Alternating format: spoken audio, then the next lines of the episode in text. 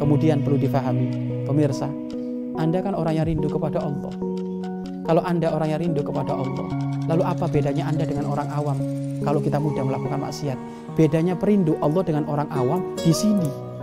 Istiqomah nggak mau maksiat. Ini bedanya. Kalau Anda terjerumus dalam urusan maksiat, kita terjerumus dalam urusan maksiat, berarti kita kita bukan perindu Allah, perindu syaitan, perindu hawa nafsu.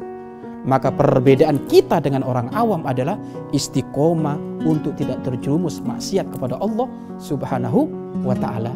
Mudah-mudahan Allah membimbing kita semuanya untuk menjadi hamba-hamba yang istimewa, menjadi hamba-hamba yang mulia dengan tidak banyak-banyak kita melakukan maksiat kepada Allah. Andaikan kalau kita maksiat kepada Allah, segera taubat kepada Allah dan dosa-dosa kita mudah-mudahan diampuni oleh Allah Subhanahu wa taala.